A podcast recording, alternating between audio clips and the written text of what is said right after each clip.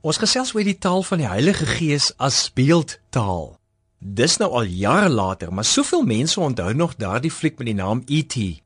Dis die verkorting vir extraterrestrial, iemand wat van buite die aarde hier sy opwagting maak. Daai verrimpelde buitenste wesentjie met die groot oë en verwese stemmetjie met die vingertjie wat so wys en sê ET phone home. Die fliek het 'n mens ingetrek in 'n verbeeldingswêreld en dit laat eg en waar voel. Verbeelding, met antwoorde die beeld van wat kan wees, kan ons lewens verander. Een van die wonderlike gawes waarmee God ons geskep het, is die vermoë om met verbeelding en fantasie te leef. Soms kan jy dit gebruik om uit jou aaklige situasie te ontsnap, maar meermale is dit prentjies van hoop, van 'n toekoms wat kan wees. Verbeelding en fantasie help om dit wat is en dit wat kan wees bymekaar te bring. Dit help jou om nuwe moontlikhede te visualiseer en dus in jou geestesoog te sien. Opvallend noem ons dit jou geestesoog, want dit is jou gees wat verder reik en kyk as wat nou is.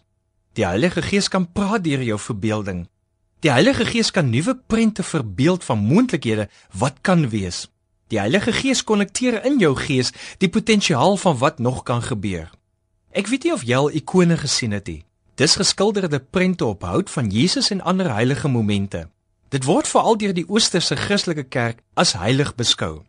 'n Ikoon se beeld of prent word as dit ware die venster waardeur jy kyk om 'n dieper en dikwels nuwe belewenis van Jesus te kry.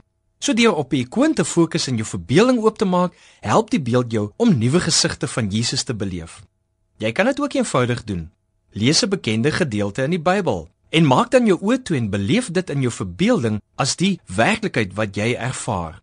sien vir Jesus as hy praat of mense aanraak. Voel jouself as een van die skare. Ruik die omgewing waar hy is. Luister na die geluide van sy stem en andersin. En laat nou toe dat die Heilige Gees vir jou nog prentjies oopmaak. Onthou die Heilige Gees sal nie vir jou prentjies gee wat in stryd is met wat in die Bybel staan nie. 2 Korintiërs 3 vers 18 sê: Ons almal weerspieël die heerlikheid van die Here, want die sluiers van ons gesig af weggeneem. Ons word al meer verander om aan die beeld van Christus gelyk te word. Die heerlikheid wat van ons uitstraal, neem steeds toe.